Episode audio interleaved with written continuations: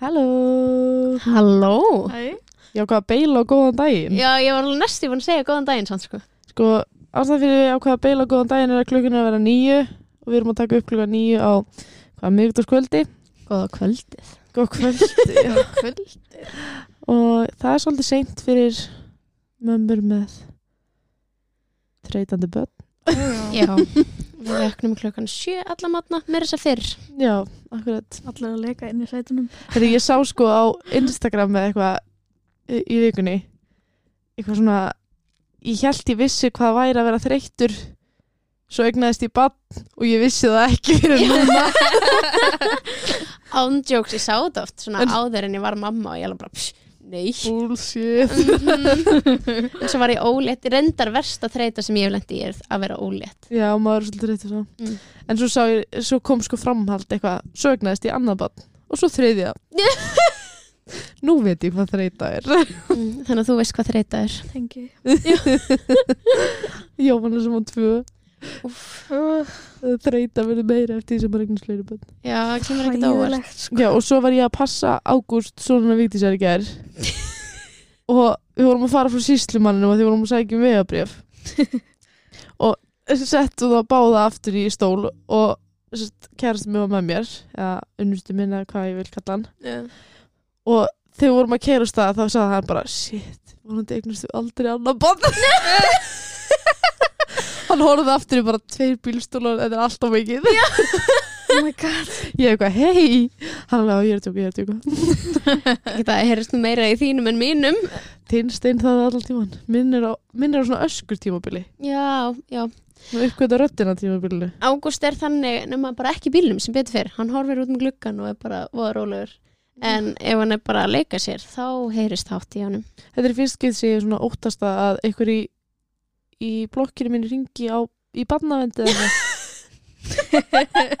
Og haldi að ég sé að pynta barnið eða eitthvað því hann er bara "Aah", bara lítur þess að orgur í lungun sko. Já, mér líka, líka sérstaklega þegar er að svæfa Ágúst þá er hann bara einhver djöfla hljóð í honum og ég er bara svolítið hrættum að einhver ringi sko. Já, eins og settir á stóri á unga mömmu á einhver annar barn sem er andsetti við verðum að fara með þetta miðils. Já, ándjóks, jésús og hann hættir ekki. Og svo þetta verður bara skrækar og skrækar líka. Já, en hann er svona djúputónunir er að koma inn í þetta líka sko. Ég veit það. Þess vegna er svona eins og hann sé allsetti En það er langt síðan seinast. Já, allt og langt. Já, það er bara allir búin að vera veikir og allt búið að koma upp á og veðrið búið að vera hræðilegt. Það er bara búið að vera ástand Ó, sko. já Bönn Skrítið ástand sko sem að við ætlum svo sem ekkert að ræða. Nei.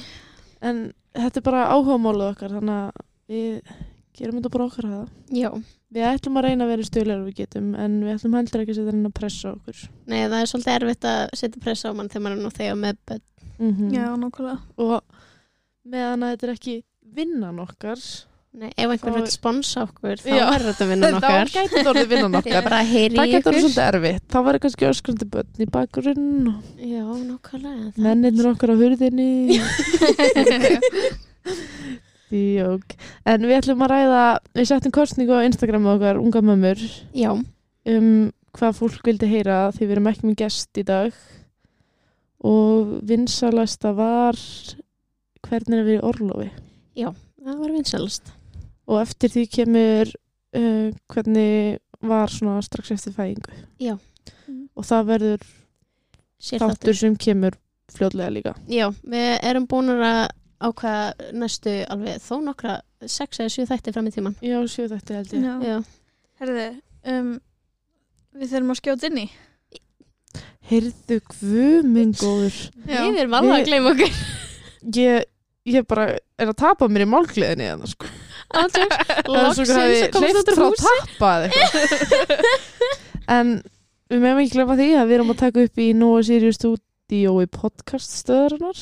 Já. og þar sem mér er alltaf drullu kalt. Mm. þeir virðast ekki vera að hlusta eigendunur og setja opnin inn eða eitthvað en Ég mætti með teppi allavega. Já, Þú ég, ert í einhverjum gallabuxum. Ég klika á þessu núna. Já, og sko þröngum galabuxum Svo Jóhanna alltaf í peysinu sinni með öllu soka Já, Já, þú ert- Þú ert alltaf í sömu fötunum þegar við erum hérna Já, veistu hvað er kallt hérna? Hún kemur í ullasokum, kuldaskóm, flýsbuksum og ullapeysu Já, og með vettlinga húi. Já. er með vellingu hú á borðinu, sko Og nefið mitt er að frjósa Ha? Og lokkurum minn, já, ok Nefið mitt er að frjósa því að lokkurum minn er svo kaldur að því að svo kaldur Já, Jóhanna með neflokk sem sagt. Hann er svona frista inn í nefinu hérna. Ói, Ég hata veturinn Það er ógislegt þú hatar veturinn, þú hatar ekki neflokkin. Nei, Ég er enda að hata veiturinn líka sko. Já, ég hata veturinn að þegar ég er með neflokka því að mér verður svo ógislega kallt að alveg svona innst inn í mhm. Já, og ég Þetta er mjög spes Já, og það skilur mig engin nema fólk sem er með svona Ég loksir svona einhver manneski með svona neflokk um daginn. Ég kom mér svo kallt inn í nefnu og hún var bara, vá hvað ég tengi. Og ég var oh my god manneska sem skilur mig. Oh my god. En nú erum við farin að bara Já. út úr farin út kortinu úr- sko. Það er alltaf leið. Við erum orðan mjög spenntar og svo land sem við tókum upp. Já. En við ætlum að reyna að tala um allar hliðar þess að vera í fæðingarólofi.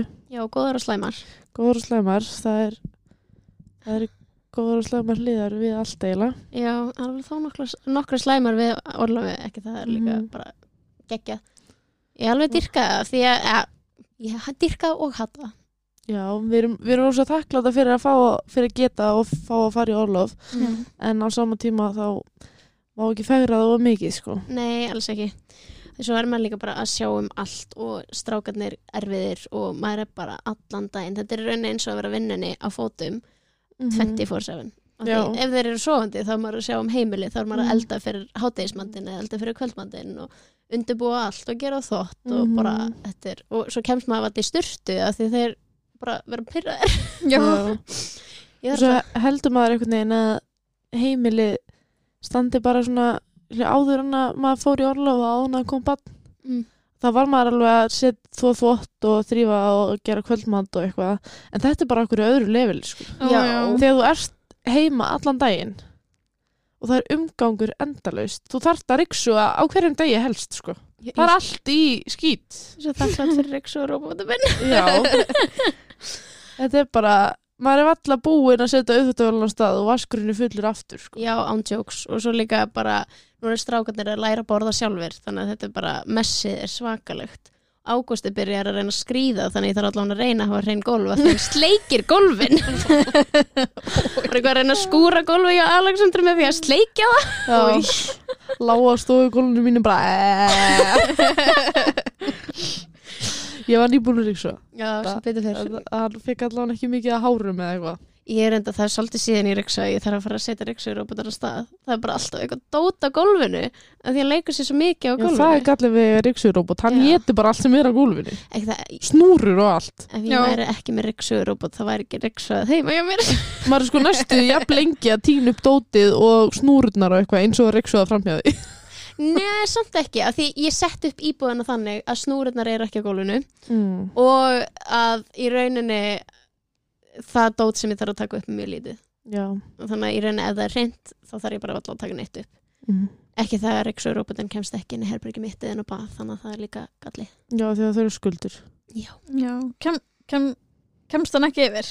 nei, Nei. En kem, það Er þurfa hann búin að pröfa það? Já, Já, ok. það gekk ekki Minn nefnilega kemst. Minn kemst nefnilega. Svo held hann að, að því að speill inn í andir eða svona gangandiri eitthvað og hann held að það væri annað herbyrgi Æ, æ, æ. en hann, ég elska hann en það er alveg galla við þetta Já, þetta er, þú ert náttúrulega eitt besta, sko. Mér þakklátt fyrir hann Já, það er þetta ekki þröskuldar heima á mér, þannig að minn kemst. Þessi mikrafón, hann heldur sem að ég tali með nefinu, sko. Ég þarf alltaf að halda honum niður. Já, það er ekki þröskuldar heima á mér, þannig að minn kemst allt. Minn er bara svolítið gamall, sko. Ég er ekki vissum að ná að trýbúðina á hann drefst. Ah, já, það er rauninni sko þessi kemst yfir alla þröskaldar sem eru yfir, ég held að það veri 1,5 eða 2 cm?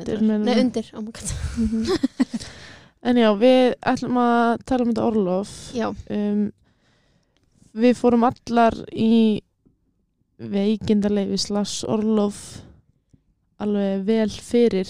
Já, ég fór í hvað? Lók mæ, 18. mæ og áttir í lók júli Já, ég átti eiga svona 21. ágúst. Mm Ég fór alveg vel fyrir. Við fórum allar á svipum tíma. Já, Já. í mæi eitthvað tíman já, ég, um, komnar svona 27-8 vikur já Sirka. það ekki? Voru við ekki komnar fyrir 25, Ég man 25, 26 Miði, já, miðjan svo- mæ Þetta var eitthvað Já, Þetta var eitthvað, við vorum komnar allavega mjög, ekkert eitthvað allt og langt en ég var til dæmis byrja að minka rosalega við mig, ég var ekkert að vinna mikið, ég held ég að vera svona 50% starfið eða eitthvað í lógin. mm Ég er enda mingaði mig fyrst sko Það bara skilaði engum árangri. Já, besta vinkona mín var yfirmaður minn, þannig að það hjálpaði. mm.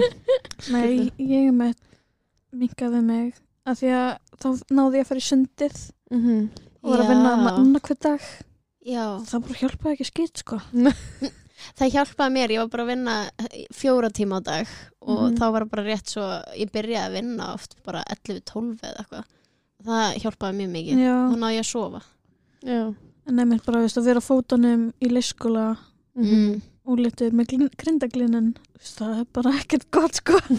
Þetta er bara ekki að gera sig. Nei. En svona hvað Við fórum í þetta sund Já, eftir að við fórum í veikindarleifi allar Já, og hvað annað voruð þið svona að dundi ykkur við? Taka til, þrýfa eitt skipti, sjálf að byrja að reyna að stoppa mig af því að þetta var orðið bara hættulegt. Ég stóð upp á borðum að þrýfa ofan á alla skápa og þá var, þá var ég samt komin í veikendarleifið og komin úr svona Mhm. 30, 32 vikur eða eitthvað. Já, akkurat. segðu gerðin í hámarki mm, Mhm. Ég einhvern veginn datt ekki Ég var alltaf að býja eftir henni kannski var það af því að ég var að býja eftir henni Já, Ég var Ég alltaf, var ég hef þannig. nóan tíma Ég nóan tíma ég Ég meira bara fekk aldrei svona hreðigerð Æ, Svo er ég líka svo mikið þannig að fólk er alltaf að þú fer í segið eitthvað svona alltaf að segja mann eitthvað svona já, ætlar þessu eiga alltaf mikið af fötum? Og þá er ég bara, hm, ég ætla að sanna fyrir öllum að ég er ekki Ó, ég sagði bara já. mitt bara, Svo þrjósk. Keppniskapið mitt bara, nei.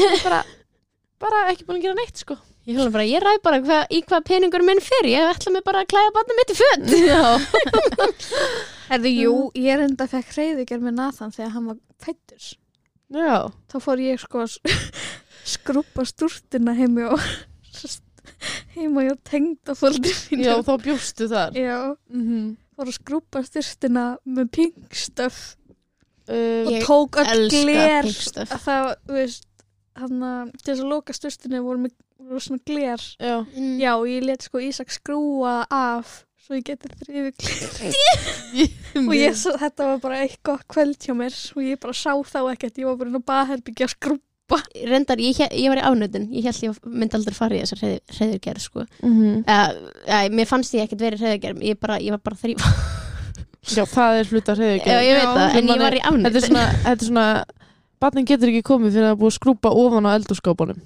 ég var reyndar ekki í því, mér littist ég var meira bara svona að ég er röglega ekki að fara að gera þetta aftur. Ég ger þetta bara núna. Ég hef ekkert að gera. Mm, Bara jólarhengirning í ágúst. Það var nú engin jólarhengerni í, í þessu fæðingarálafi sko. ég var bara Nei, Ekki mikil sko Nei, ég var með unga barn, ég nefndi því ekki, ég var ekki eins og með jól heima hjá mér, sko. En uh, mennendir ykkar voru fyrsta mánuðin með ykkur eða ekki Jú. Jú, fyrsta mánuðin og viku, að við vorum á vöku deild í viku, Já, já þannig að við fengum Og vikudag. mánuð með mér líka Já. Og myndum við ekki mæla með því að vera allavega ekki einar fyrst tvær vikunar Oh my Jú. god, já. Bara, það, þetta er eiginlega ekki hægt án þess að vera með ma- mannan allána fyrstu tvær vikunar mánuðin. Æ, maður er bara ennþá að jafna sig, ennþá bólgin, þú veist, er Já. Og ennþá bara eitthvað döðþreyttur og skrítin Já. já, nákvæmlega og svo bara ógeðslega skrítinu líka mannum, maður að Mhm. reyna, ef maður er að gefa brjóst, að reyna að, gefa, reyna að ná tökum af því eða eins og ég var að gera að Mhm. pumpa mig á fullu og ég bara, ég hef ekki getað gert þetta án sjálfa, sko. Nei, akkurat ég bara, ég fór næst í að gráta þegar Sölvi var að fara í eftir í vinnuna Reyndar var ég ekki þar sko Ég Ég segi svona tvær vikur til mánuð kannski En maður minn alltaf bara þannig gerður að Ég var bara svo fein þegar hann fór að vinna sko ok, reyndar Sölvi getur ekki verið heima lengi Nei, hann var orðin bilaður sko var Mm. bara Bara hvað á ég að gera? já, ándjóks Sölvi líka sem ég finnst samt svolítið fyndið að því að samt sko vorkina er okkur ekkert fyrir að þurfa að vera heima sko þeir eru sko í vinnunni Já. bara, ég líka Aha. Ég er, ég er í vinnunni allan sólarhingin ég er svo fegin að ég sagði ekki alveg þannig sko. já Mm.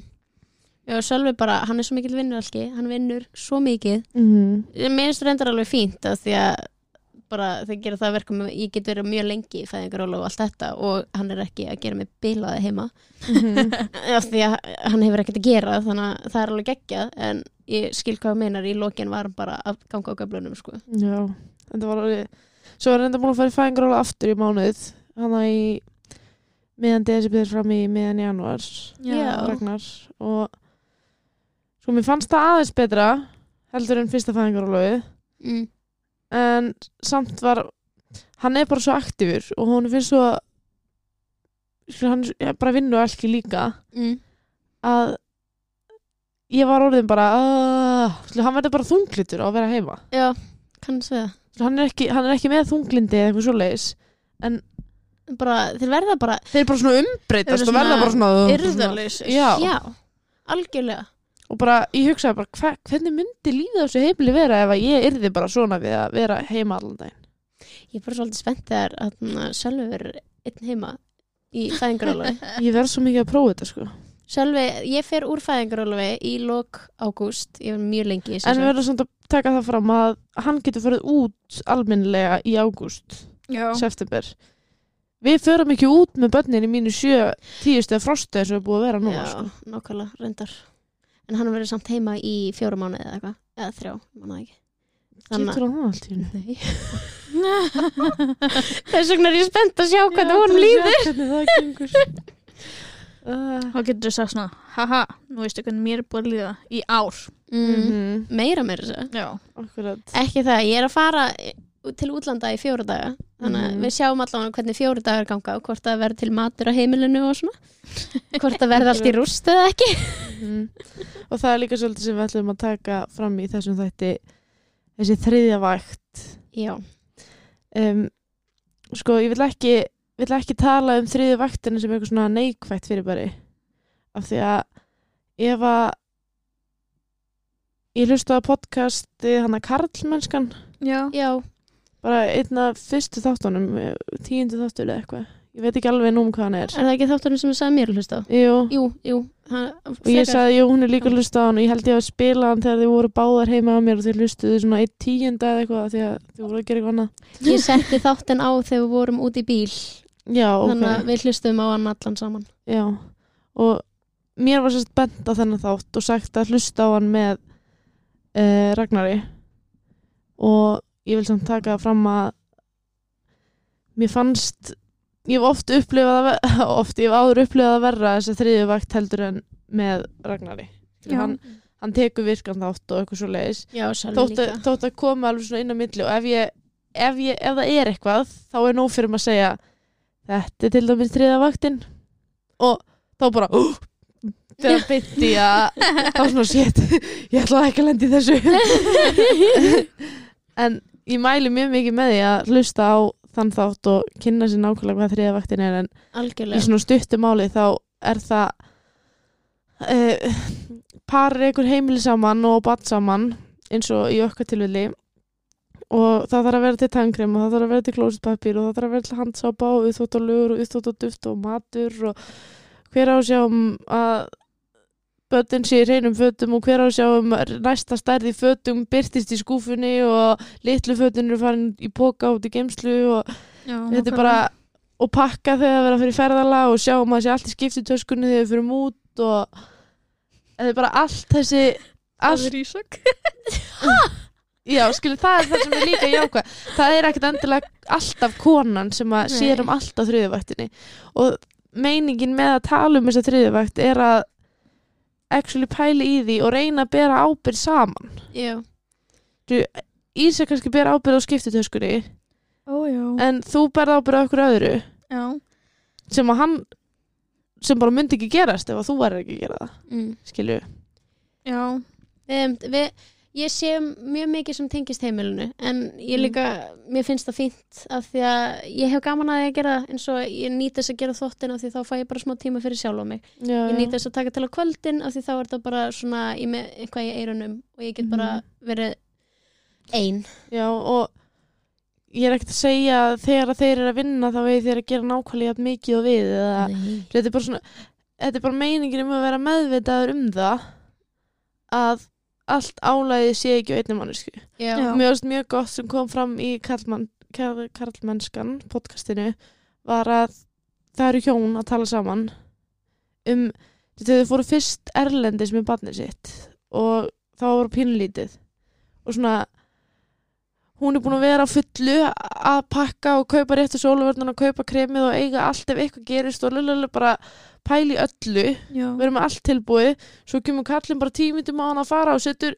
sundskilin, nærbúsur og sokka í tösku og svo bara, eigum við að fara? Og horfið svo, horfið svo dóti, hvað, þurfum við að taka allt þetta með ég hló Bara- svo mikið. Bara, nennur bara please ekki að dæma það sem ég er að gera. Ég er að leggja mig alla fram hérna og rúmlega það. Mm. og shut up. Ég væri bara það. Af hverju heldur ég sé búin að pakka þessu? Það er selvur oft, æ, þurfi ekki, þurfi ekki þetta? Æ, þurfi ekki þetta, hún finnst þetta dót svo skemmtir já, Nei, En- Ísak er einmitt bara skiptaskan fer ekki út úr húsi ef ég er með honum sko. já, líka oft þú kemur til okkar að ég glemdi töflu, að ég glemdi þessu Já. Æ, ég er bara svona Þú veist, ef við förum eitthvað ég og Ísak saman með strákana þá er Mhm. hann að pakka í skiptitöskuna því ég man ekki neitt sko. hann, pa pakka, pa blablabla. hann pakkaði líka í spítaltaskuna eða ekki Jú, já, æ, já, hann Jú. pakkaði spítalatöskuna jú. oh my god reynda pakkaði Ragnar í í spítaltaskuna okkar það var bara því ég var komin upp til Ég var reyndar, ég var búin að skrifa niður lista því út af sigursíkni það, það var alveg ákveðni hluti sem ég þurft, bara þurfti að vera með. Þannig ég var búin að skrifa niður bara svona lista yfir þeim hlutum sem var ekki í spítalatöskunni en ég þurfti samt að taka með. Já. en svo var ég bara gangsett og ég fekk að vita það daginn áður eða eitthvað, um Mhm. nóttina þannig að við í rauninu höfum tíma til að fara heim, pakka sér saman fara í búð, kaupa Mhm. það sem vantaði og okkur svo leiðist, þannig að í rauninu var það svo ekkert vesinn og við Mhm. hjálpuðum bara að. Já, Nei, ég náttúrulega bara ringdi hann í, Já, í sundlega klósitinu sko. og pakka núna.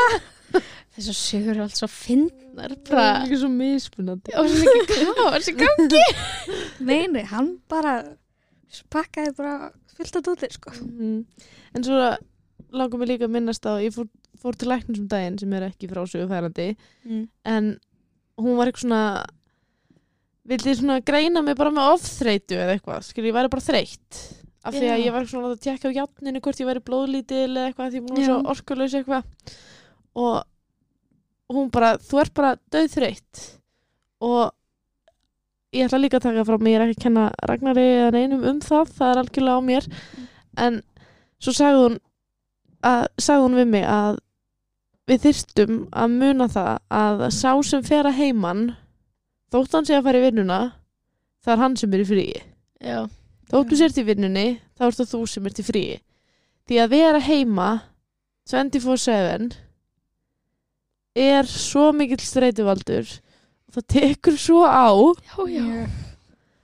að maður verður bara svona uppgefin Ándjóks, ég, bara, ég veit ekki hver ég væri ef ég var ekki alltaf að fara að hitta ykkur og ég líka, Mhm. ég fer út úr húsi heim til Alexandru af því ég nenni ekki að vera heima hjá mér já, það er bara ég, Það er svolítið svolítið Já. Mhm. það er alveg næst að fá okkur öðru kóru til mín en annars bara, please, ég skal fara til Alexandru Nei, og svo finnst mér fólk tala rosa lítið um hvað maður er innmanna Já, algjörlega. Og maður er líka bara svona fastur einhvern veginn. Eins og hann að nap-trapped Já, nákvæmlega.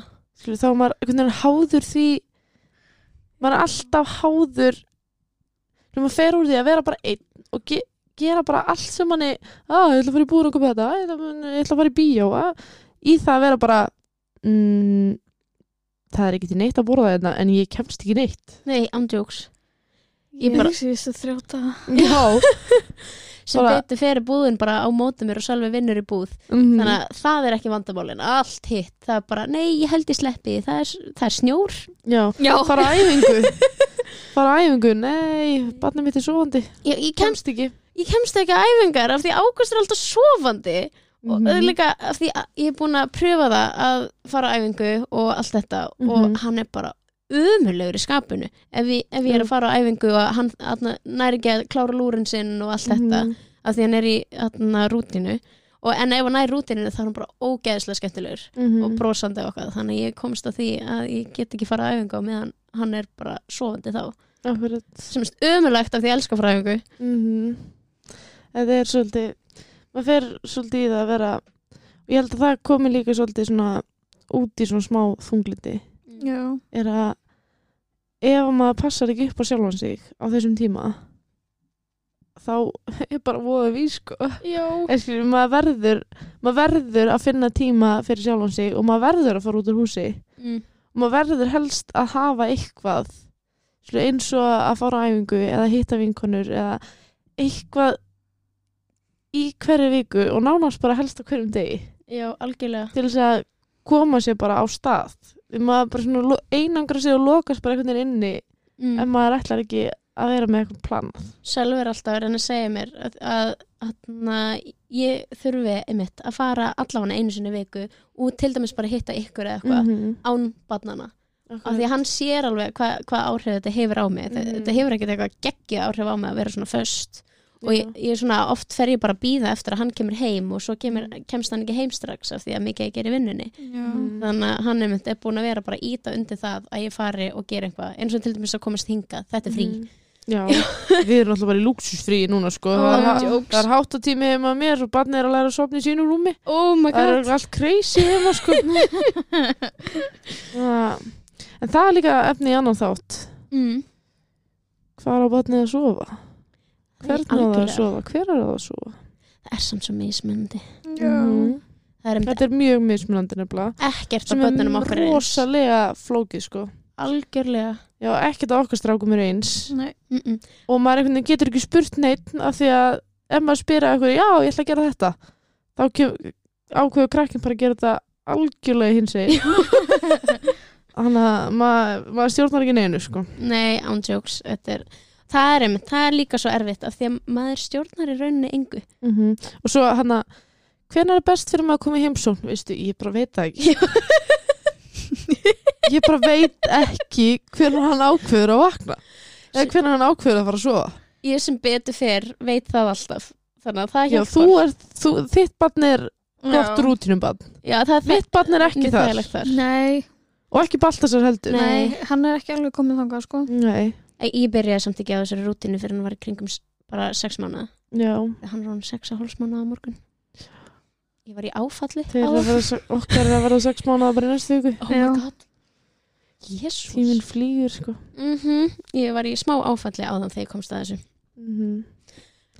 en já, þetta er og eh, Jóhanna senda á hann hver, hvernar heldur þú sirka hún alltaf hann setti sirka undan? Að þú komir að, komir að sækja mig að því að ég var að sækja ykkur til þess að koma hinga Mm.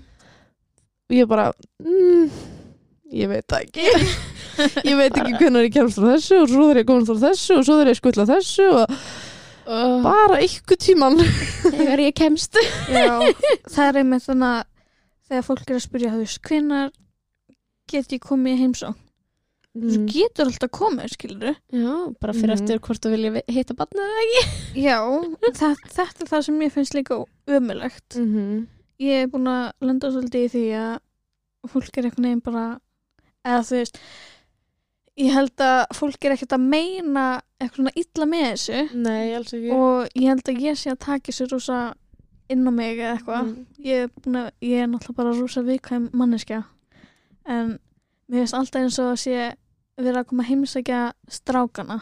Mhm. Já, það er svona eins og, eins og manneskjörn sem er að koma í heimsókn kæmi ekki heimsókn ef þú verður ekki nýbúin að eiga bann ef þú ættir ekki bann já, algjörlega. Bara svona og allt í henni fara fyrir fólk að sína manni áhuga sem er ekki að sína manni sjálfum áhuga heldur Já. banninu manns áhuga. Og líka allt í henni fyrir bara fólk að heyri manni sem maður er ekki búin að heyri í mörg ár. Já, Mhm. nákvæmlega. Það er svona, það er svolítið erfitt að vita líka hver maður á að setja mörkin við þetta. Já, Þú Ég- veist, og- Skilur, á maður að hleypa frængunni í heimsókn sem er ekki búin að koma í heimsókn í tvö ár bara þegar þú varst eignast bann Já, mm, ég ákvað að setja þau mörg að það fólk, ég reyndar hef ekki lent illa í þessu sem betur fyrr Nei, það er kannski bara einn og einn en þau mörg sem ég setja er allavega að þeir sem er að hafa samband um mig sem er, er ekki búið að hafa samband um mig í mörg ár já. þá, atna, ok, þá er ég að fara að hitta þið fyrir utan húsið ekki með badnið, allavega Mhm. fyrstu nokkur skiptin. Já, já. Bara, sorry, en það er mörkin sem ég set Já, og er það svona fjölskylda eða? Meira kannski vinnir eða eitthvað sko. Já, og ég, ég veit ekki með fjölskyldi ég er Mér finnst samt mjög svo- náin mér finnst samt svo koma svo vel í ljós hverjir eru vinir manns. Þegar maður algjörlega. eignast börn. Skilur, af því að lífið verður svo öðruvísi og maður hefur ekki jafn mikinn tíma fyrir vinið sína mm. eða tíminn verður öðruvísi Já. og ég að vera bara kaffi með krak krakkan eða ekki eitthvað hardcore jam skilur og e- eru vinirnir það miklu vinir manns að þau eru þau eru til í að vera bara koma bara í kaffi og spjalla og ætlu, eru til í að breyta okkar sambandi Já, mm. nákvæmlega. Það sést mjög til mikið. þess að vera vinur okkar. Já, eða eru þau ekki til í það? Og þá finnst mér einhvern veginn ekki vera allavega fannst mér í sjá svolítið skýrt hverjir eru vinir mínir eftir að ég varð ólítið elmar og átti elmar. Já, algjörlega. Ég reyndar einangraði mig svolítið þegar ég var ólétt. Ég var ekki Mhm. að fara, ég hafði ekki orkuna að ég fara út. Sérstaklega eftir að ég hætti að vinna. Ég bara, ég náði því ekki. Ég fór í vinnuna af því þar var Mér kaffi. finnst þú samt heldur ekki endilega að hitta svo, hitta fólkið. Nei, bara, þú þarft ekki, þú þarft ekki að vera að fara endalust út og hitta. Svo bara það að bestu vinkonu mínar senda mér skilabóður hverju eða já, bara hafa Eða eitthvað samskipti. Þessu, hafa áhuga á mér ekki bara barninu. Ok, Já. smá tæknilegur öruleikar Vondi heyrist þetta ekki í... já það var svona suð í eyrunum á okkur öllum. Já, og við erum allavega tvær af þrem með ADHD sko þannig að ég veit ekki einu sinni hvar við vorum þegar við stoppum sko. nei, andjokes, Uh. oh my god. En við, við vorum eitthvað stær að tala um hennar samskipti og alvöru vini og já, það er svona þeim, þeir sem að sína manni sjálfum áhuga ekki bara eðlilega er allir spenntir fyrir nýju lífi og Já. skiljanlega. En við megum samt ekki gleyma mömmunni sem bjóð til badni já. Og manneskjan sem var vinkonaðin eða manneskjan sem var dóttiðin eða Mm. manneskjan sem að Æ, skilji ég hvað við. Já, algjörlega. Og ég hef alveg sagt þetta til við fóreldrar mína og mömmu sérstaklega er að hún er svona hún er ekki ég veit hún elskar mút á lífinu og allt það en hún svona er ekki rosalega opin. Já. Svona- hún, hún er ekkert hún er ekkert að segja mér hún elski mig.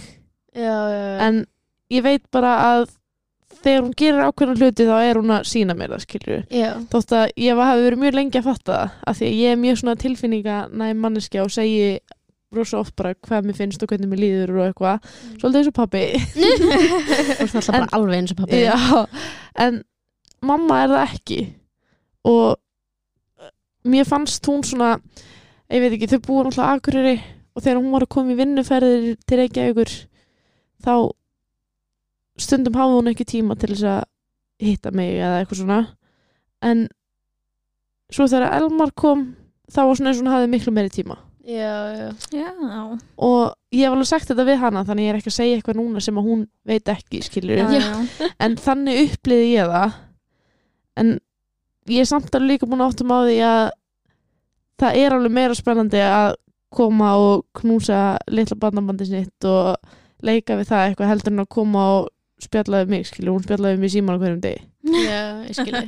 En að já, ég, ég varð alveg svolítið sár sérstaklega þegar ég var ólétt, þá var ég bara já, ætlar ekki að koma í heim svo núna?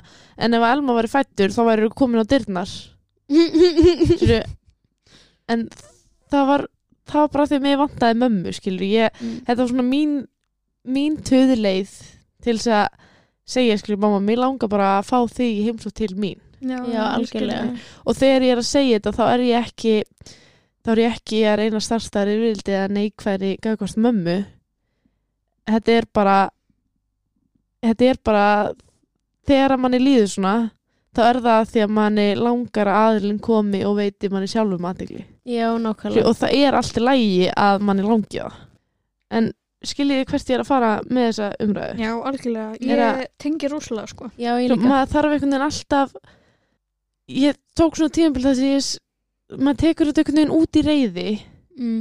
gagvart einhverjum eins og ég mömmu í þetta skipti Allan, en það getur Já. verið rosa særandi þegar fólk er einhvern veginn, og þess að svo held ég líka fólk taki bara ekkert eftir þessu.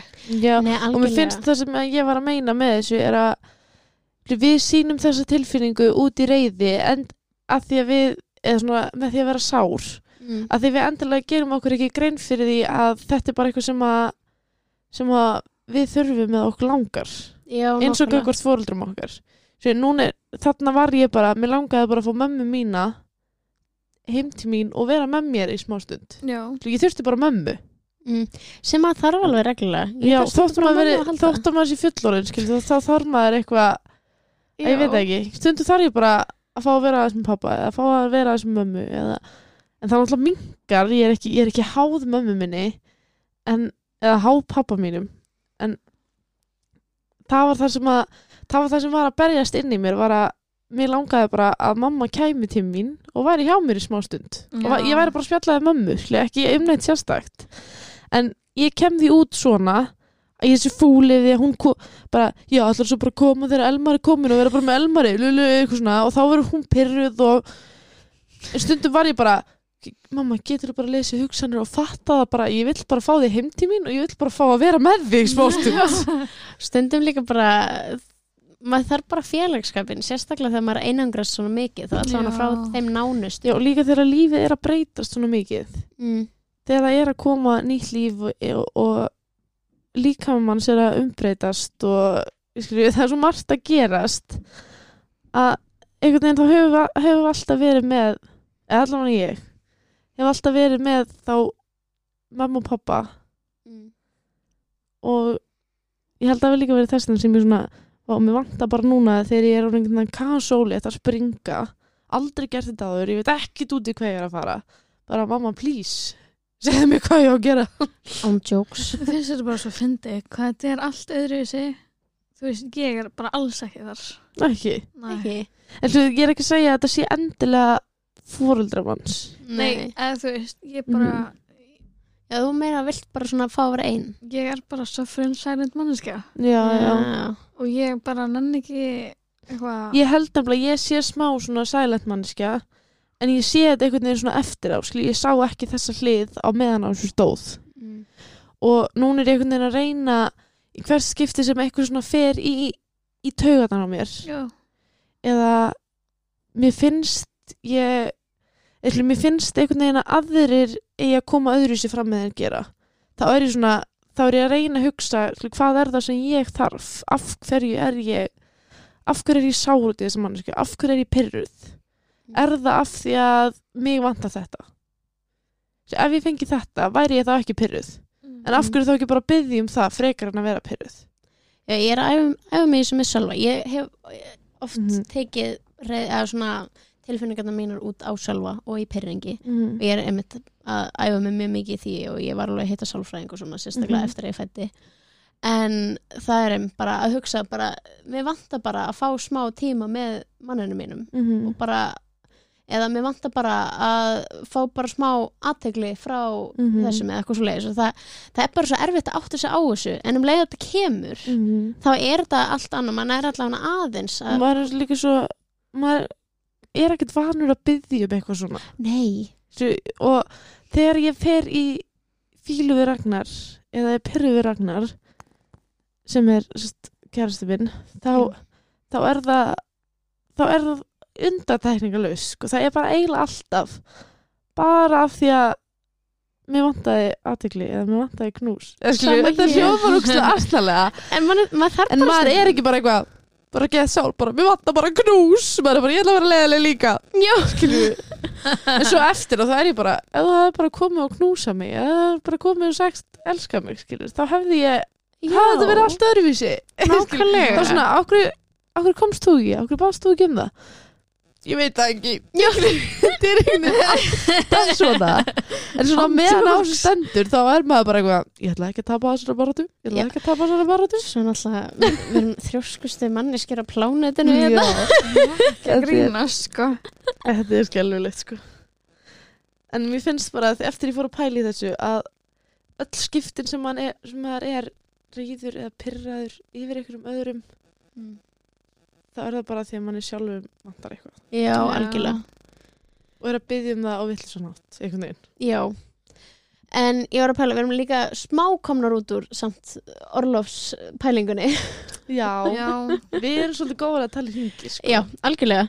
En þarna, við vorum bara, þetta þróaðist út frá það við vorum að tala um þriðju vaktina já, algjörlega. Þetta er, þetta er líka mikilvæg partur af því að vera í fæðingarólofi. já, Þetta er bara, maður þarf, maður þarf að fá að hitta einhvern. Maður er Mhm. rosalega einangraður Mhm. og líka maður er komin í fæðingarólu þegar allt fólki er að, eitthvað að reyna að tala við mann og stundum um Mhm. fyrst þá langar mann ekki að hitta alla, alla Nei, alls Ekki ekki. og setji í alvörunni allir sem er að hlusta og eru að fara að eiga bann setja mörg já, setji mörg og þegar að þið samþykja að fólk komi heimsókn segðu þið að koma með mat með sér. Já, alltaf koma með mat. Ég held að þetta sé bara bráðum að fara að vera skrifið regla sko. ætti að vera það. ef þið eru að fara til nýbakaðara fóreldra komið með mat og látið mömmun að borða líka bara ef að mamman er í fæðingarólu og þeir eru að koma bara heimsækja komið með mat, mm -hmm. það, það er ekki erfitt þú þetta getur er bara komið ekki eitthvað flókið smá sko. bara kottið með mat mm -hmm. líka ég tók bara, ég nýbyrjaði að hugsa um það að borða sjálf Mhm. og það er einmitt í þessu fæðingrálfi eftir að ég átti ágúst ég bara hætti að borða og ég, ég skil ekki af hverju ég er en ég bara pældi meira í það að ágúst þyrfti að borða og Man Mhm. hefur bara ekkert tíma í þetta. Nei, um, Nei. það sem bergaði mér er núna er ágúst að borða það sam og ég maður Þannig- einhvern veginn setur alltaf barnið í forgang Já. og svo bara þegar barnið er sopnað eitthvað og maður hefur tíma til að borða þá ætlar maður að fara að setja í þrjár þóttavelar, fara í sturtu, fá sér að borða leggja sig og hóla þrjá þætti og og þá ákveður alltaf einu batni að sofa í 20 myndur já, Já. þetta er svona hvernig hef ég tíma skilur, get ég borðað, lagt mig og farað á klósitið á meðan ég er í sturtu Já, Skilur, ef að það væri hægt, þá er það mjög næs Já, ándjó. og það er bara að borða á meðan maður er í styrstu Mhm. borða á meðan maður er að gera þvott bara vera með eitthvað ég reyndar, það, þið hafa kannski tekið eftir því, það er nammi allstaðar í íbúðinu minni Já. það er reyndar, ég aðna upprunnilega varð út af mér, bara svo ég geti greipið eitthvað en svo er, hef ég ekkert borðað nammi þannig að þetta er raunni Þetta fyrir er bara gesti. smá heftandi sko af því að Víktis borðar ekki nammi og svo fær hann okkur í heimsón ég er með náttúrulega mesti nammi grísi heimi sko, bara nammi út um allt. Ég líka selvi fær svo mikið að nammi gefin svo ég er ekki búin að kaupa nammi, ég veit ekki hversu lengi. Þannig að ég vil líka bara að þetta sé borðað. Þannig að þetta er að borðinu, ég veit að ef að selvi sér þetta þá er hann að fara að borða þetta. Og ef einhver kemur í heimsók þá fínt með kaffinu. Já. en svo fæ ég mig kannski einn og einn móla en ég er raunni ás, ég he, held ég hef ekki sagt eitthvað frá þessu en aðalástæðan fyrir ég hætti að borða nammi er af því að ég var bara háð. Ég, ef ég fæ mér nammi eða snakk þá verð ég bara háð og ég get ekki hætt. Já, ok. mm. ég held að væri bara út af sikursíkin skilju væri bara búin að venja það á að borða lítið. Alveg partur en um mitt, áður en ég varð ólétt þá uh, var aðeins áður þá bara ég borðaði endalusta snakki og endalusta nammi og borðaði alltaf almennilegan mat. Af því Mhm. bara, ég sóttist í öll þessi hreinu kolvetni. Já, já, og þetta er rauninni ástæðan fyrir svona, ég bara kendi sjálfum mig bara, við skulum bara sleppa því.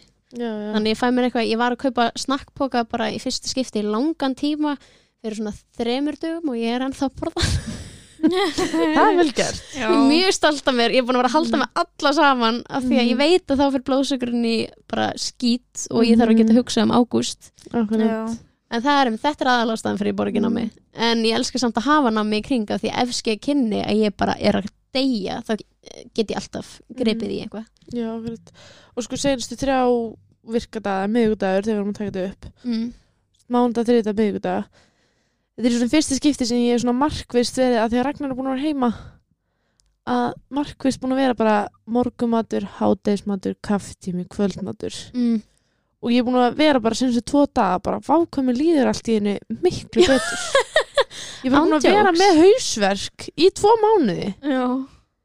Þetta bjargaði mér. Já, maður þarf að borða, maður gleymi því nefnilega. Algjörlega. Svo bara, ah, ég nenni ekki að gera neitt ég, þegar maður er svo orkulegs og maður fæ sér súkulega þá fær maður ennþá meir hausverk. Mhm. Ég er með eiginlega ekkert búin að búin neitt í dag sko.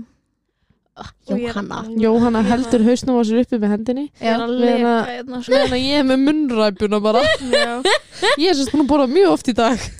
Ekki heyrist. Ég er enda bara búin að borða brauð í dag en venjulega alltaf á mótnana þá fæ, fæ, fæ ég mér havragraut með tíafræðum og ég gef águsti líka. Mhm. þannig ég borða allan þá. Svo ég hátegismat þá fá ég oftast egg eða eitthvað Mhm. og þess vegna á ég alltaf til egg Mhm. en þá borða ég alltaf þá. Og svo í kvöldmat þá er ég, erum við að borða kvöldmat öll saman fjölskyldan. Þannig í rauninni ég er að borða þrjár máltíðir á dag. Það hefur verið nóg fyrir mig. En þá er ég allan að borða. Akkurat. og ég er alltaf inn með orku.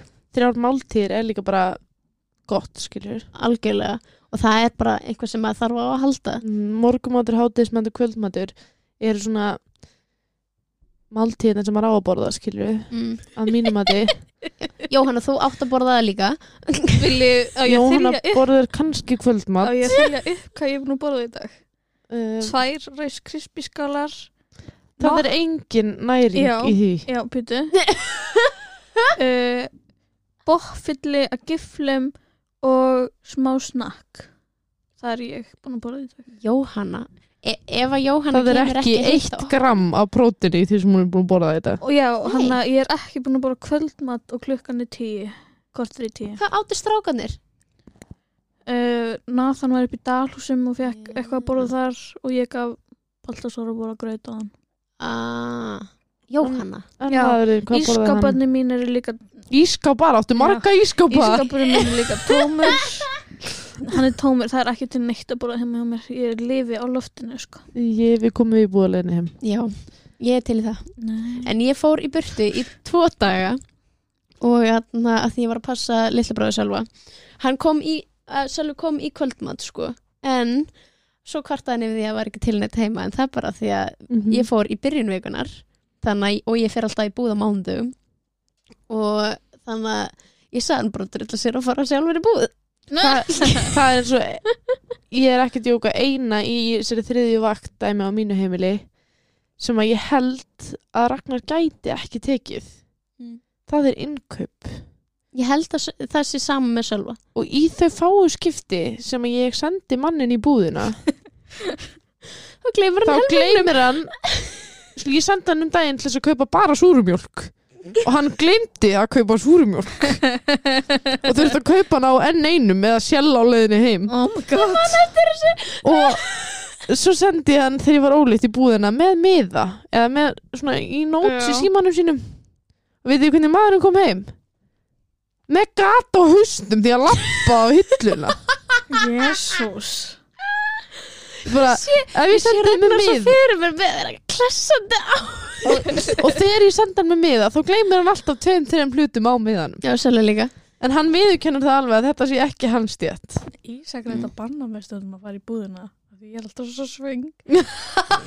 Þannig ég er alltaf að kaupa bara halva búðina. Alltaf mikið. Sölvi veit að ég er svo sem fer í búðina og svo kvartar hann með því. Ég er alltaf að kaupa eitthvað alls konar kjafta af því fyrir svengi búðina. Já, þetta er svona ef ég fer eftir æfingu Já, Þá- var aldrei að gera. þá er ég ég fór undar eftir æfingu í dag sko og ég var ógeðslega lengi í búðinni. Þetta, ég hafði getað farið til Akureyrar sko í búðina, þetta var ekki gott sko. En það var að því að ég var svo mikið að vanda mig. Ég var bara svona, ok, hvað er til heima? Hvernig get ég blandað þessu saman? Og leiðilegasta spurning veraldar er hvað er í kvöldmatinn? Ég býti matsel alltaf á sundum eða mándum þannig það er ekki pæli ef ég geri það, þá fer hann í fokk á þriðjudegi. Þess vegna eða ég vakna mánudegi bara, oi, mér langar ekki í kjúkling. Ég hef tvo daga sem, er, sem ég skrifa bara samtíningur af því þá get ég alltaf að svissa við það. Mér finnst það mjög Já. þægilegt. Eldum réttir endar lifesaver sko. Já, það fór, Já. það er ekki þarna, fór alveg í klósetti hjá okkur sjálfa. Þannig að núna af hverju fór það, það var það sem ég var að segja. Vikan fyrir úr stöð búin skipuleggjana leiða maður skipuleggu vikuna þá fer hún ekki eins og hún á að fara. En leiða maður Já. skipuleggur hún ekki þá þarf maður að hafa kvöldmátt á hverjum degi. Nei, veistu það, ég pantaði aldrei mætt á hann fyrir fimm daga. Já, ok. vel gert Vá. að ég fann ekki það sem eitthvað sem ég langaði að borða í að veist. Oh my god, ég þarf að panta á hann að kemur minna eftir sko. Ég var að að pæli að gera eitthvað aðna, annað, af því ég er með svo alls konar hugmyndir af dóti sem ég langar að gera.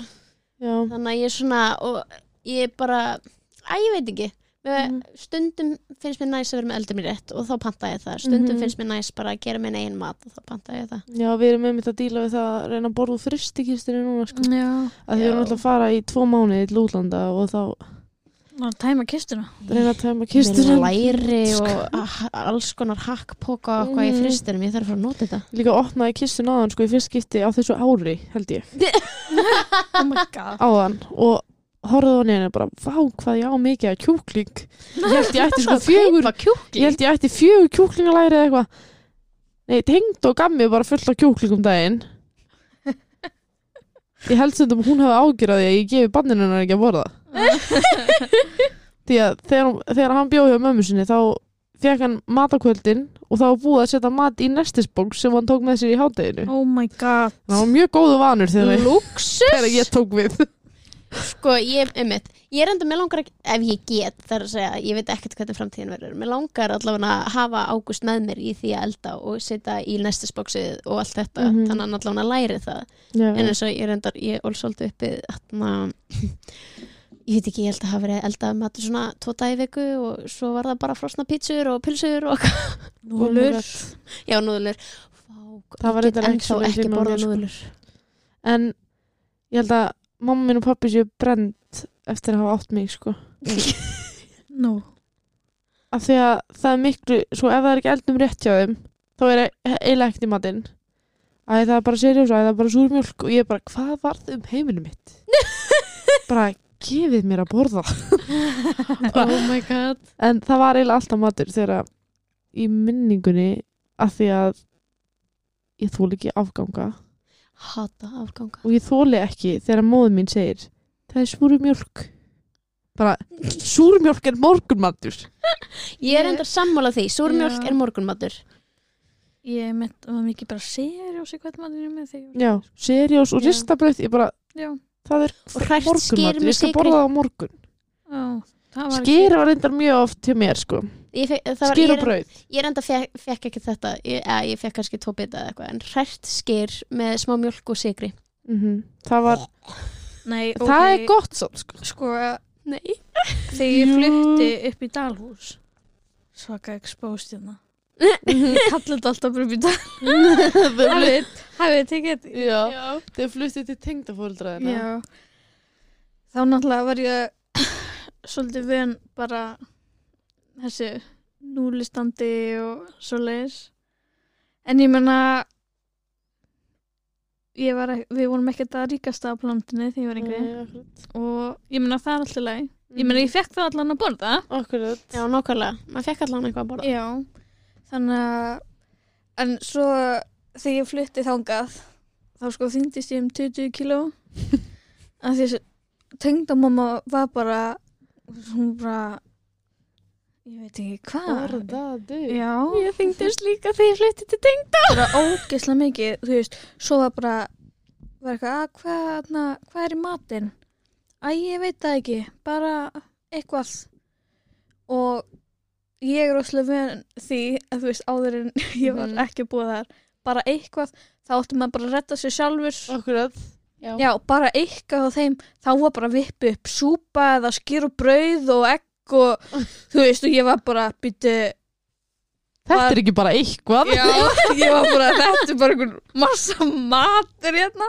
Skýr og brauð og egg og þú veist gúrkur og tómatar allt skorið niður og ég var bara ó og henni God. mitt fannst, já og ég sé að þegar ég flytti þangað var ég rosalega mikil gikkur ég er ennþá gikkur Já. en ég var svona tíu sinni verri og þú veist, ég borð, þegar ég flytti þangað borðaði ég til dæmis, þú veist, ekki hambúrgara, ekki pítsur, ekki, þú veist Hæ? ég náttúrulega bara, hún borðaði bara núðlur ég bara ég bara borðaði aldrei þú veist, ég, já, ég einhvern veginn bara, já Mm. Og það fór alltaf rosalega í tengdum með mig að ef ég borðaði ekki það sem ég var matinn og hún alltaf bara á ég, ég get gert svona og svona og svona. Og ég bara, ég get bara að redda mig sjálf. Og það bara fór alveg með hana. Að ég fór, þú veist, að ég þurfti að gera mér sjálf að borða. Ef ég vildi ekki það sem var í matinn þá bara borðaði ég ekki. Já, Á heimil, það, já, heima þeir já, heima hjá mér. Já. en hjá tengdó þá þau eldar rosalega góða mat þannig ég hef nú alltaf borðað allt sem þau gera já Þannig að þú veist, eftir ég flutti þar og byrja að borða hellinga dóti, sko Mhm. Já. og Ok. þýndi stókið Það er samt bara fínt Náttúrulega bara skinn og bein annars Mhm. ég flutti hann Herri já, hvernig líður ykkur samt, hvernig finnst ykkur orlofi vera núna þegar stráknar og orðnir aðeins eldri? Ég er náttúrulega bílu, sko. Jóhanna er ekki, ekki á góðum stað núna sko. Nei, Jóhanna ætti að fá sér annan Lóku inn í bíl þrjá daga, bílum bilaður og allt í voli sko. Já. Ég er bara En svona gerist stundum, það er gott að heyra alla hliðar. Orlofi núna er bara skýtt. Mm og það er stundum Mér finnst eins og ég sé að drukna inn í sjálfur mér. -hmm. og mér finnst lifið mín ekki vera að virka. Já, ég er svo svo kví á þunglindislifum að því að Mm ég er með svo mikið þunglindi Já. eftir fæðingun og Ég held alltaf að séu nú Mhm. bara flestir. Og ég bara, ég er eiginlega bara að fara ég er svolítið boltar sko. Já, ef ég segi satt frá. Já, Já, við það viljum var að segja það. satt. Ég Nákvæmlega er með þannig að við erum ekki fjárhagslega þegar maður er í ykkur fæðingur og maður fær ekkert rosalega mikið út úr þessu rosalega mikið, maður bara lifir á línunni sko. Æ, Já, algjörlega bara algjörlega á línunni Mhm. og það er rosalega óþægilegt mm. þú veist, og það, Það er bara svo stressandi. kvíðavaldur út af fyrir sig Já. rosalega og svo voru þeir til dæmis að senda þeir náðu að kaupa nýjan bílstól fyrir strákana og... mm Ég fekk gefins pening. Já, Já. ok, já. Við líka. Já. veist, já, skilur þið, þeir Mhm. voru að kaupa nýjan bílstól fyrir strákana og það Mhm. var einmitt planið mitt í þessu mánu Mhm. og ég var, veistu hvað ég gerði þegar þið sendið mér því hvað ég gerði fyrir dag Já, ég var bara, mm, nice. Ég fór að laða mig með krakkanum. Ég, fekk, ég var bara, nei, ég nenni ekki að vera hér lengur. Æ, æ, þannig að, já þú veist, maður er einhvern veginn þú veist, loka sér rosalega af Mhm. maður, æ, ég veit það ekki En mér er samt mjög vel gert þegar að tala um það skilur Já, Akkurat. algjörlega akkurat núna, mér er alveg búið að vera fínt í orlofinni, sko Mhm. Já. og þannig að en akkurat núna Mhm. þá er maður svolítið svona lítill í sér og Já, Já, ég skil það og það er líka að því að maður er að fá bara valla neitt. Ég, bara, ég fæ ekki eins og launum mín að fæðingarólunum dekka, eh, dekka ekki leiguna sko. launin mín í fæðingarlöfu dekka ekki íbúðarlánið okkar sko. Já, to be fair, ég er samt bara í 50% fæðingarólufi en það er bara af því að maður kemst ekki inn í leikskóla. Og ég sótti ekki um hjá dagum með Já. Þannig það er náttúrulega, þeir fara ekki þar inn strax hvort Nei, nákvæmlega. Það er hann bara, Bara- bara eins og sko. Mér finnst þetta líka bara svo sérstakt að við, við erum einhvern veginn sett í þessu stöðu að ég get ekki gert annað en að vera heima með badum mitt. Já, Nákvæmlega. Hvað, hvað þetta, þetta, það er ekki eins og ég hafi valkost um að vera í fæðingarólofi eða vera í vinnunni. Mm -mm. því að ef að ég fyrir í vinnuna og maður minn fyrir í vinnuna hvað á ég að gera við badni? Já, Já, nákvæmlega. og það er bara, þetta er rosalega mikið púsluspil. Ég, ég er búin að taka núna fjórar vaktir síðan ég byrjaði fæ, fæðingarólufi það verður þrjár í nóvember og ein núna bara hvað, byrjum februar eða eitthvað, ég manna ekki. Já, og þetta bara skemmti á mig líka mann af því að ég er ennþá að jafna mig eftir þessa fæðingu og Mhm. vinnan sem ég gat gert árinni var ólétt, ég get hann ekki lengur. Nei, þannig að, og það, það er þá ekki eins og hægt. Ég get alltaf að fara í vinnuna til að fá einhvern auka pening já, þannig að núna er ég eitthvað, ég er að reyna að þjálfa fyrir mömmu ég, þá ég er aðeins á fótum en ég get alltaf sest niður ef ég þarf á, á því að halda það hjálpa mér eitthvað. En það er ekki mikill peningur heldur í þessu og mað, þetta er bara þetta er algjört maus bara til að lifa á mánuðin ég er enda rosa fegin að ég á gott bakland sko þannig á sama hér. Við erum allar þar sko. Já, Ég held að það fylgir líka svolítið því að vera ungmóðir og ég held að það sé það sem margir hræðast og ástæðan fyrir að margir vilja ekki eiga börn fyrir þau eru búin að klára háskóla eða búin að gera hitt og búin að gera þetta er að þau vilja ekki taka sensin á þessu fjárhagslega sem að fylgir því að eiga barn. Já, En ég En- meina, maður fer samt í fjárhagslegt vesen í háskóla, ég meina þá er Mhm. með námslán, þú þarf að borga á námsláni, mm þú veist, mm. maður er einhvern veginn alltaf bara, þetta, það tekur alltaf bara eitthvað annað við. Já, já. Ó, ég er að En- stefna þannig að pakka. Já, en þetta er bara ég veit ekki, ég myndi ekki mér langar heldur ekki að sína myndin á því að vera ung móðir sé í dag myndi ég frekar velja að vera í þessari stöðu heldur en að vera ekki ung móðir. Sama hér. En, en þetta er samt ekki draumastaða og mér finnst þessi staða einhvern veginn ekki vera vera okkur að kenna eða vera það sem að á að vera. Því það eru ekki mörg ár síðan að við værum ekki túlkaðan ungar mæður. Já, nákvæmlega. Amma átti bönn, barni, sitt- fyrsta barni sitt 17 ára. Já og, og það var bara eðlilegt á þeim tíma. En ég er ekki að segja að þau hafa átt fjárháslega auðvelt eða eitthvað. En ef við horfum bara á lífsklukkuna okkar og hvenar ok, hvenar líkamannum hendar best að ganga með barn og fæða barn þá erum við á besta tíma. Já, algjörlega. það er partur ástæðan fyrir mér, hefur alltaf langað til að vera ung mamma bara frá því að ég var krakki sko, sem er mjög skrítið að segja Mhm. en, en ég hugsa að ég gæti bara myndi ekki höndla það eftir þrítugt bara upp á líkamann að gera. Já. og a- allt vesinni sem er í gangi í líkamannum mínum með, ég er mögulega með endó og allt þetta. Og þetta Já. er bara ég, og sigursíkin og svona, ég þarf bara að gera það núna ef ég á bara að lifa, eða bara svona höndla þetta. Og- líffræðilega séð fyrir konu þá er kona á barnegnaraldri á þessum tíma. Já, og það er ég ætla ekki að alhæfa eða koma með eitthvað, skilju, ég veit ekki en ég vil trúa því að að skilju, ég vil ekki segja ófrjósemi en að fleiri séu að eiga í erfileikum eiga börn í dag heldur en áður ég held að það sé frekar út af því að fólk er orðið miklu eldra. Já, það er, þú þú talin ung, ungt foreldri að þú átt barn 23 til 25 já, það kemur en svolítið það er, óvart það er samt bara það er samt bara líffræðilega tíminn sem að Já. já, er talað um eða svona, ef þú rannsakar það að, að eiga barn milli 20 og 30 skilur við Mm. eða, Við erum Já. samt alls ekki að dissa eldri nei, maður. alls ekki og Bara- við erum ekki neitt mentaðar í þessu eða neitt, við Nei, erum bara svona alls það ekki. sem okkur okkur dettur í hug og, og það sem við að tala með þetta fjárhagslega dæmi er að við erum kannski ekki búin að koma okkur nákvæmlega þann, þannig fyrir að við erum á okkar besta stað til þess að eiga barn Nei, er maður já. tímann á besta stað að eignast bann? nei, ég held að ekki heldur þegar maður sko. fer lengra þá í rauninni, þá tekur atna, starfi við og bara Mhm. svo starfsferillin Já. og þá til dæmis ef maður er að eiga bara þá þá oft kemur það í veg fyrir það og svona af því Mhm. það er ekkert endilega að leta mjög vel á mæður á vinnumarkaðinum Mhm. þannig að það er í rauninni bara ég var alveg að tekja eftir að það er bara ekki besti tími til að aldrei til að eiga bann þannig að maður Hvað þú ert tilbúin í hvað stöðu þú ert tilbúin að vera með bann Já. og svo kom eins og með hérna veit ég hvort þið sáu það, Áslu Arna já ég sá það. var að setja inn á Instagram og eitthvað, hún var í ykkur viðtali og fréttamaður spurði hana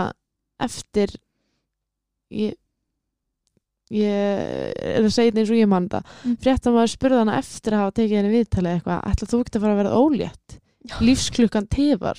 Bara jésús bara þannig manneski sem að hefur sett starfsferil sinn í forgang og komið sér vel fyrir bara vel gert Já. En- þá er hún ekki að gera þetta rétt af því að lífsklukkan tefar Já. en núna eru við að fylgja lífsklukkunni við þrjár mm.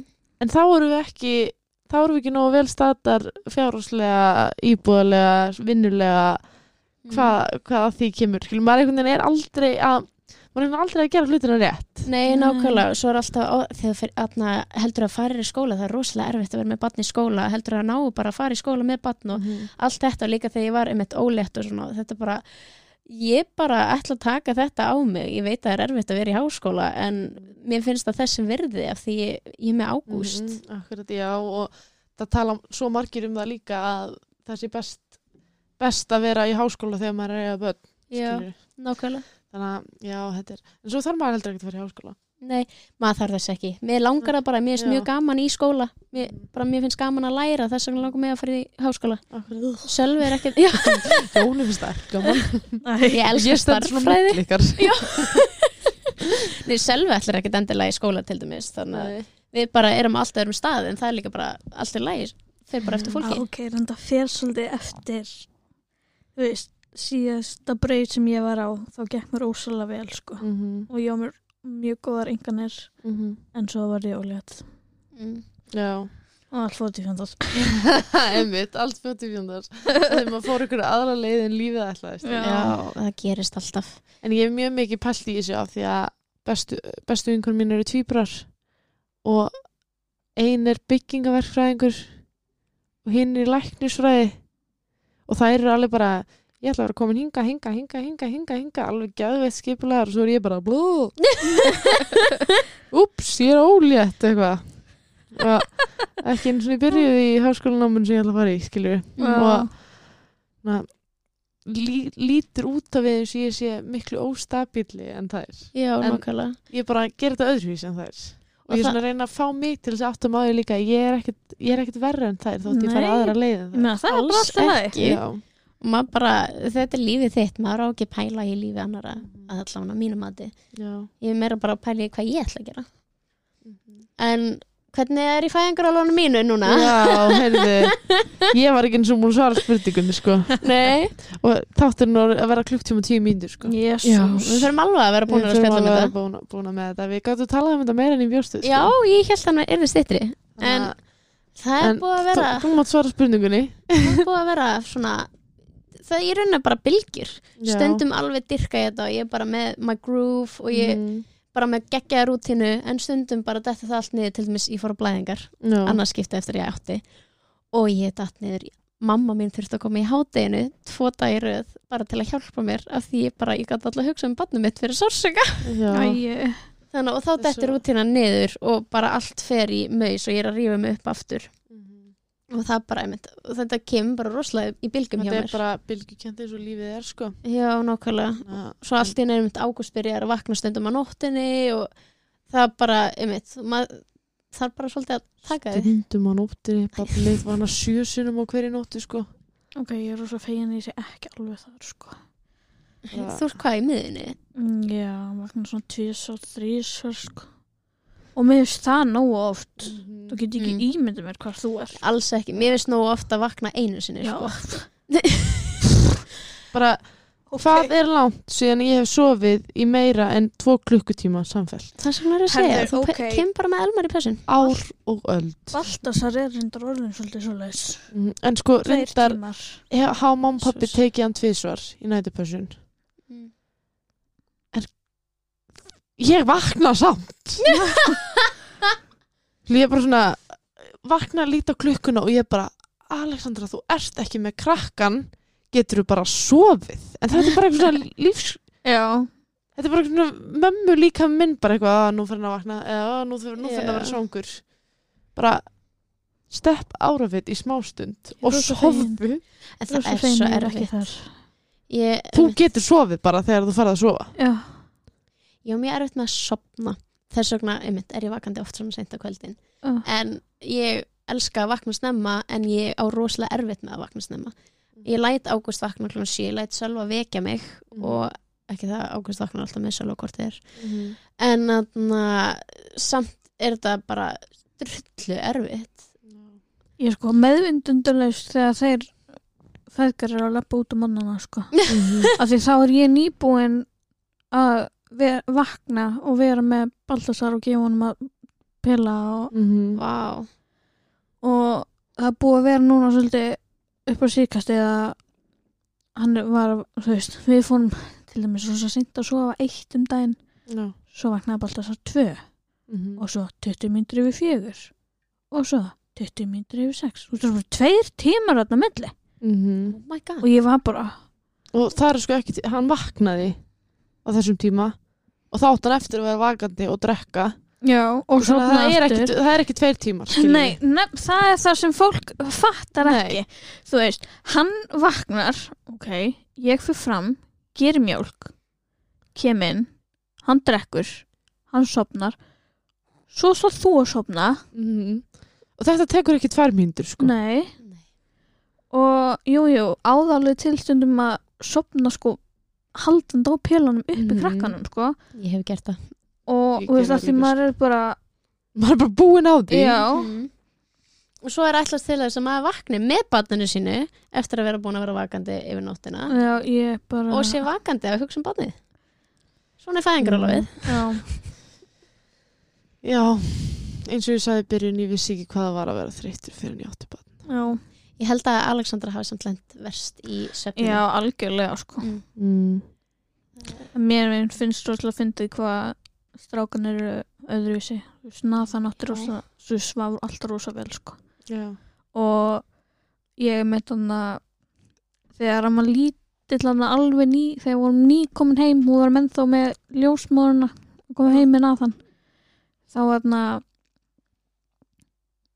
vaknaði hann ekki sjálfur á nætunar þú veist, af því að ég þurfti alltaf, ég þurfti að vera með vekjara klukku til þess að gefa honum að borða þú veist, af því að Mhm. þessi fyrstu dagar þá þurfa hann alltaf svona tryggja tíma fresti. Já, já, Ég var á vöku til. já, bara í vikur samt. Já. Já, en ég þurfti alltaf, einmitt, ég reyndar vaknaði samt til að þjálfa mig en ég þurfti að gefa hann sondu og það tók lengri tíma en þeir eru að drekka. já, Mhm. En ég með sko en svo sér léttist hann aldrei Sann, bara þyngdist Mhm. Þú veist, snað, Baltasar fór niður eitthvað 2% Mhm. og en með við Nathan, hann bara þyngdist Mhm. þannig að hún bara pröfaði bara að leiða hún að sofa hvað gerði minn maður fór að vakna Ah. ég var bara, en það var þetta bara stuttu tími en hann bara alltaf öfugt við það sem maður ætlar. Já, núna er ég bara mitt orlof at the moment snýst bara um að koma eins miklu magni af mat og drikk og í barni mitt og ég mögulega get. Því það er bara barótt sko. hann alveg borðið Já. það rosa lítið. Ég hann, hoppaði ég hoppaði hæð mína í gerkvöldi þegar barnið borðaði allan gröðin sinn já, og kláraði skvísuna sem fór út í gröðin og fekk eina skeið af því sem ég var að borða. Já, hann, sko, hann er að taka fram förum sko. hann er, hann er að þetta er, þetta er alltaf að koma núna sko. en þetta er, hann, þetta er ekki af því að hann er sattur Svo við erum að gefa hann að borða af því að hann þarf að þingjast já, og hann er hann, það stu- stundum er ég bara það vantar bara eitthvað so, sorry Elmar, ef þú heyrir þetta eitthvað tímann. Stundum held ég að það vanti bara eitthvað svona opna munnin heila skilabóð Já. hann er bara svona hmm. og svo svona þegar ég hristi dót fyrir hann hausnar þá svona, að gal opnar hann munnin næ ég að trúa maður þá svona, mm, borðar hann það. Bara svona getur þú bara opna munnin og kynnt og opna munnin og kynnt? Þetta verður svo þreytt sko já, ég Ah, skil það Já, alveg. ég trú því. en núna er fínt þegar að ég og Ragnar getum svona nokkurnu veginn skiptið svo með okkar sko Já. já, það verðist gangað betur hjá þegar Ragnar er ekki í honum og svo prófuðum við í gær að hann var að borða grautin sinn á meðan að tengdu var hjá okkur og þá voru við að borða ís og þá borðaði hann svona vel þannig í morgun ákveðu við að borða hafragrautin okkar á meðan að hann var að borða grautin sinn já, Svona að, að sérstaklega ég sé að borða í kringum hann á meðan að hann er að borða þá, þá svona eins og hann borðið betur sko já, ok Mér finnst það hjálpa líka. Ágúst vill frekar borða ef ég er að borða líka. Það er svona... En hann vil þægilegt. bara ef hann ætti að velja þá væri hann bara með gaffali minni eða skeiðina mína sko. Já, Elma. Það er bara og þótt að við séum með það sama á disnum þá vil hann bara það sem er á disnum mínum þannig ég er alltaf svona plata. Æji. sting kannski í matinn hans og svo færi ég það yfir að myndisk eða mína skál og læt svona eins og þessi að koma þaðan og þá bara er hann geða til í það. Æji krútið. og með grautin um daginn þegar hann var í hann er alltaf í skál skilja þegar við gerum hann bara heima. Já, og ekki séns svo leiðu ég sett hann í skvísu svona baby brísa skvísu og kristi í skeiðina þá var hann geðið til í þetta. Þá var þetta sko ekki grautur sem mamma gerði þá var þetta skvísa sko. Oh my god. alveg sérvitur sko. Nei, reyndar mesta mausi hjá mér sem er búið að vera allt fæðingarólfið af því ég get ekki sagt að ég hafi lendið miklu mausi mm -hmm. en það er öxlinans af því ég þarf að þjálfa hann allan daginn. Og ég þarf að fara til sjúkraþjálfari hverja einustu viku.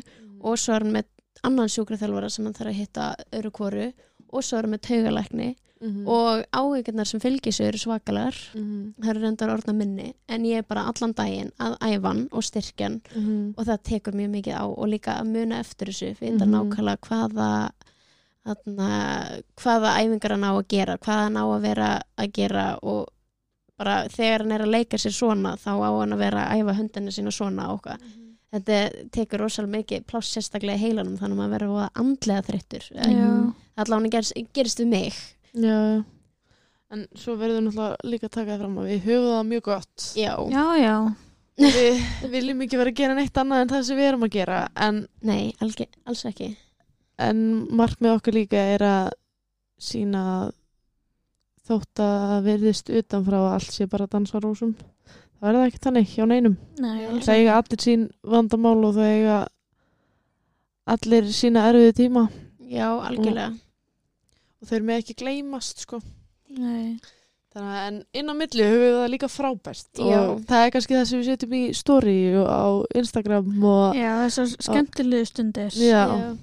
að þegar maður er ekkert ég held að maður setja það skilur á samfélagsmiðla að því að þegar að barninu mann slýðir illa þá er maður ekki með síman uppi Nei, alls ekki. Þess vegna sýnir maður það ekki þegar að barnið er grátandi eða þegar það er illt í maðanum eða þegar það er alltaf að vakna á nóttinni þá er þá er símin ekki nálægt okkur. En þegar að gleðin er og það er bara getur verið að leika sér og þá er maður að taka upp eða myndir og... Maður pælir svona oft í af hverju er ekki allt sínt en það er bara einfallega út af því að þegar að bandinu mann slýðir illa þá er maður ekki að pæla símanu sínu sko. nei, maður er að pæla í barninu. Já. Þannig að, við tölum um það hér. Já, Já. þannig að það er að tala um það eftir á og ég held að það sé mikilvægt að tala um það eftir á mm. en ég ætla hann að stöfna ekki á að vera að taka bandið mitt upp þegar ég líður illa. Nei. Nei. ég bara, einmitt, pæli bara ekki í því. Ég er bara pæli í barninu mínu. Já, en þáttur hann svolítið langur. Já er þetta ekki bara Já, góð endastöð eða? ég hugsa það. Við elskum að vera í fæðingarólofi en við höttum það á sama tíma við þakkláta fyrir hver aðra og mælum með því að eiga vinkonur í sömu spórum hvað. Fara líka bara einmitt, eins og við kynntumst í öllna, meðgöngusundi og Já. svo er líka til ungbarnasund og fara í eitthvað þannig af því að þar er fólk í sömu spórum á því meðgöngusund, ungbandasund mömmutíma. Fóreldra mótna skilur, fóreldra mótnar í kirkjum og það er, þetta er bara, þetta er að verða komið allstar já, bara út fyrir það endramann og þurfum að finna fólk í okkar stöðu og Algjörlega. hættum að gera þetta einn. Já, algjörlega. Bara- bara, já, Takk fyrir okkur og við minnum á Instagramið okkar, unga mömmur. Já, og við byrstum vonandi þátt ekki eftir þrjár vikur. já bara takk fyrir þól með hana Já, Já. og takk í dag. Takk í dag.